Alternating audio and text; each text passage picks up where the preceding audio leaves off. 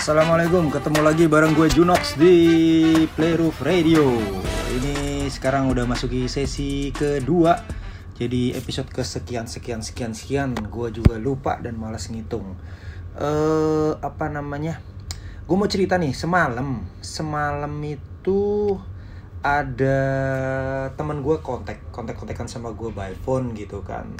Teman gue ini kerja di salah satu inilah institusi pemerintah yang kerjaannya itu ngintip-ngintip sana sini kelakuan kita kita semua. Model-model kalau di Amerika itu uh, CIA gitulah di Indonesia nggak ya tau lah. Silakan ditebak sendiri gitu kan. Uh, sebenarnya dia sebagai penasihat ini penasihat umum sama uh, perilaku sosial masyarakat di Indonesia. Itu itu kesimpulan gue ya jadi bener enggaknya nanti kita cek deh kapan-kapan kalau insya Allah kita ketemu kita cek lagi atau dia bisa jadi bintang tamu nih di di Playroof Radio gitu kan. Dia cerita tentang uh, the latest situation terhadap COVID-19 yang terjadi di Indonesia. Jadi sekarang itu kan lagi tinggi-tingginya ya setiap hari rata-rata nggak nggak kurang dari 20 ribu tambahan kasus uh, di Indonesia. Padahal waktu itu udah sempat landai kan. Ini katanya beberapa ahli dan juga pernyataan resmi dari pemerintah adalah akibat beredar luasnya uh, varian Delta dari COVID-19. Jadi kalau dulu yang varian varian sebelumnya itu uh, tingkat penularannya mungkin di rata-rata 10, 20, 30 persen kali ini yang varian Delta ini di atas 90 persen. Gila banget. Dan uh, kerjaan gue yang udah mulai jalan sebenarnya udah mulai sama juga seperti orang teman-teman lain yang udah pada mulai sedikit uh, memulai aktivitasnya merangkak lagi sibuk lagi tiba-tiba harus drop total. Uh, eh, gue bilang di kantor gue gue lockdown. Meskipun itu bukan istilah resmi yang digunakan sama pemerintah Indonesia ya. Indonesia menggunakan ppkm darurat. Sementara kalau gue lockdown bener-bener. Jadi yang jaga di kantor itu ya cuman gue ditambah dua orang staff gue dan dua-duanya itu ya bener-bener stay di kantor nih jadi diatur cara untuk pulang ke rumahnya seperti apa gitu. Jadi benar-benar diminimalisir.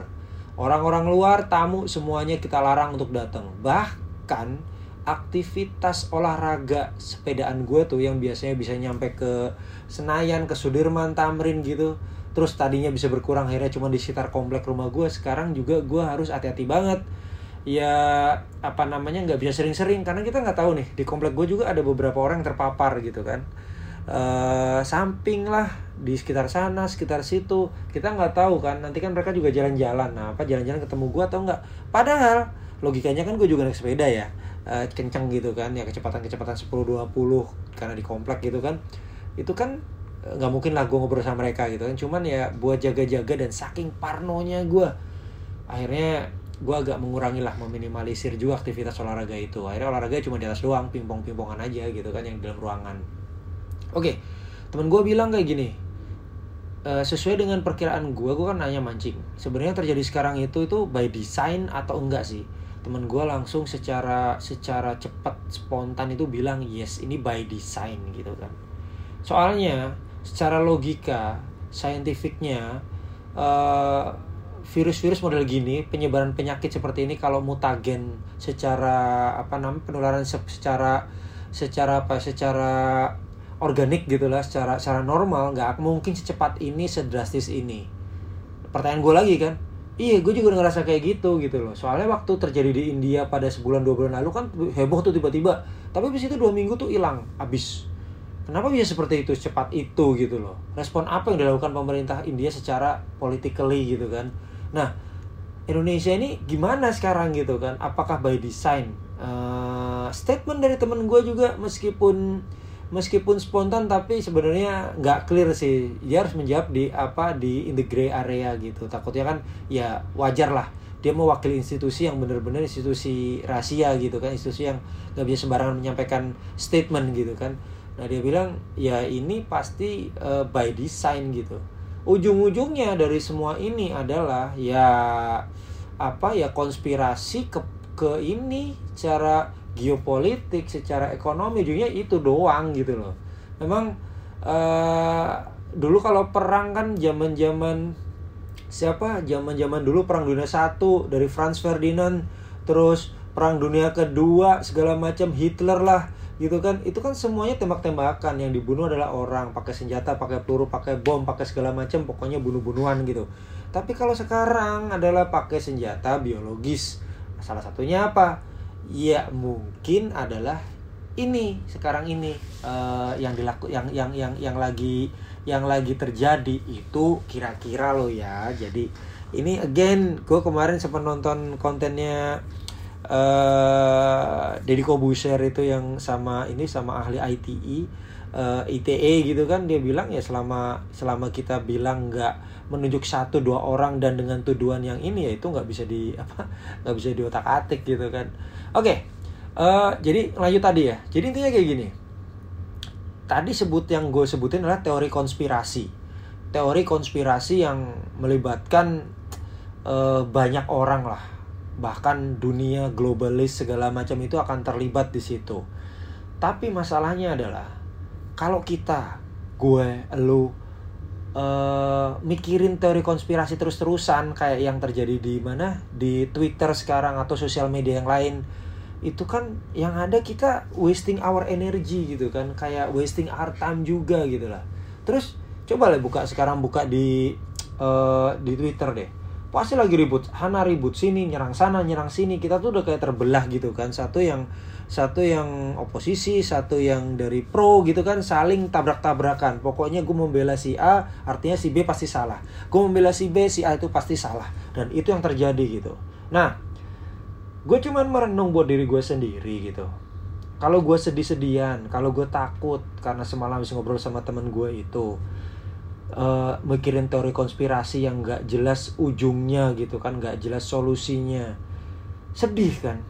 Maksud gue uh, kembali lagi deh dulu zaman zaman training-training awal gue kerja itu sempat di training kayak gini. Ada hal-hal yang kita bisa kontrol sama yang gak bisa kita kontrol.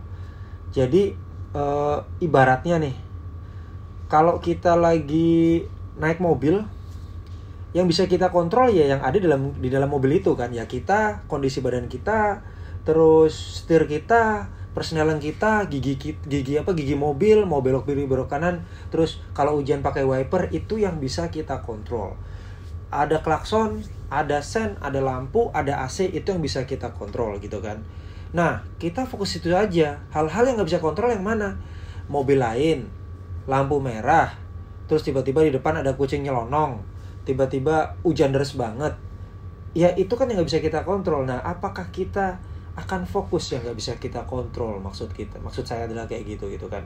Nah, e, kalau gue sih, gue menganggap adalah e, situasi sekarang, kalau gue bisa nggak keluar rumah, gue bisa stay at home, gue bisa membatasi mobilitas gue cuma di rumah aja. Terus gue bisa insya Allah tertib makan secara rutin. Terus bisa olahraga secara rutin uh, dengan segala keterbatasannya gitu kan. Itu hal-hal yang bisa gue kontrol. Terus gue gue gue batasin pemikiran gue juga yang nggak terlalu parno-parno amat mikirin membatasi berita yang jangan asal hoax gue baca gitu kan. Itu yang bisa gue kontrol hal-hal yang sifatnya kayak tadi kita sebut sebagai konspirasi teori segala macam itu itu adalah hal-hal yang nggak bisa gue kontrol. Maksudnya adalah ya gue lebih baik fokus pada yang gue bisa kontrol. Karena kalau gue fokus pada konspirasi teori tadi hal-hal yang nggak bisa gue di luar kontrol gue nggak bisa gue kontrol gue cuman wasting energi buang-buang waktu akhirnya gue capek ya nanti ujungnya gue ngedrop dan segala macam. Memang gue bisa kelar kalau misal gue teriak nih gue nge-tweet aja seribu kali sehari atau ada hashtag satu juta satu juta trending topik hashtag gitu sehari di Twitter tentang ini tentang apa tentang konspirasi teori. Emang bisa kelar? Enggak gitu loh. Nggak bisa kelar gitu loh. Karena hal itu udah by design oleh orang tertentu dan amat sangat besar kekuatannya. Tapi teman-teman positive thinking aja ya. Tidak ada satupun konspirasi teori dari zaman dulu. Itu perang dunia pertama Franz Ferdinand terus uh, apa namanya Watergate-nya si Nixon segala macam itu yang bisa berjalan sesuai dengan rencana full bisa.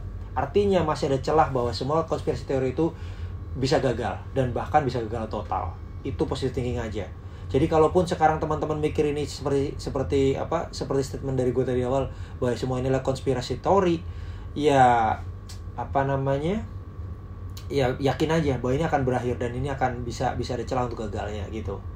Kembali lagi kenapa gue berharap jangan wasting otak kita wasting uh, tenaga kita untuk yang macam-macam uh, gue inget waktu gue ikut mungkin sebutannya diskusi atau pengajian lah ya kajian dari seorang Sabrang uh, itu Noe itu vokalisnya grup Leto itu loh anaknya Cak Nun gitu kan itu orang yang bener-bener gue kagumi gue respect gitu.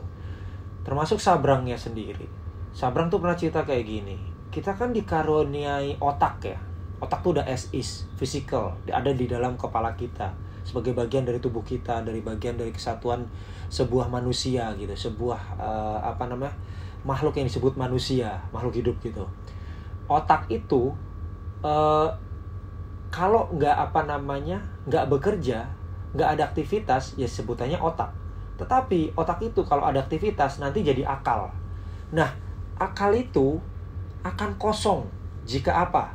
Jika tidak ada experience jika tidak ada apa namanya hal-hal yang dialami segala macam akal itu akan kosong. Nah akal ini akan bisa positif atau negatif melihat sesuatu itu panjang pendek luas eh, tadi saya bilang bagus tidak bagus benar salah itu jika ada sebuah alat bantu atau gampangannya kayak kacamata gitulah kacamata itu yang menurut Sabrang itu disebut sebagai paradigma. Paradigma ini terbagi dua nih. Mau paradigmanya kita sebagai korban victim ataukah sebagai agent orang yang aktif untuk bisa merubah gitu. Kalau kita sebagai korban melihat situasi ini bahwa kita sekarang berada gara gara-gara covid kita jadi lockdown kita jadi nggak bisa ke mana-mana kita jadi aktivitas terbatas itu paradigma seorang victim atau korban.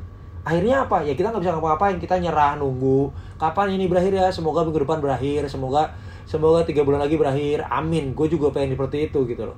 Tapi kalau paradigma kita sebagai seorang yang sebutannya agent, hero atau aktivis gitu kan, kita berpikir lain. Kondisi kayak gini kita dibatasin hal-hal, ada yang nggak bisa kita kerjakan ya. Oh, gue mau ningkatin skill deh, skill apa ya? Skill ilmu digital, skill ilmu masak, skill ilmu apa yang bisa gue lakukan di rumah gue, di tempat gue tinggal. Itulah paradigma seorang agent.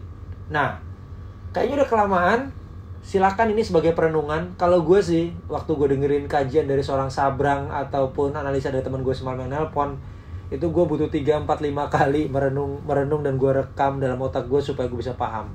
Yang gak tau kalian ya, semoga kalian jauh lebih pintar dari gue dan bisa ngerti apa yang gue omongin kali ini. Sampai ketemu minggu depan, insya Allah masih di Playroof Radio. Assalamualaikum warahmatullahi wabarakatuh.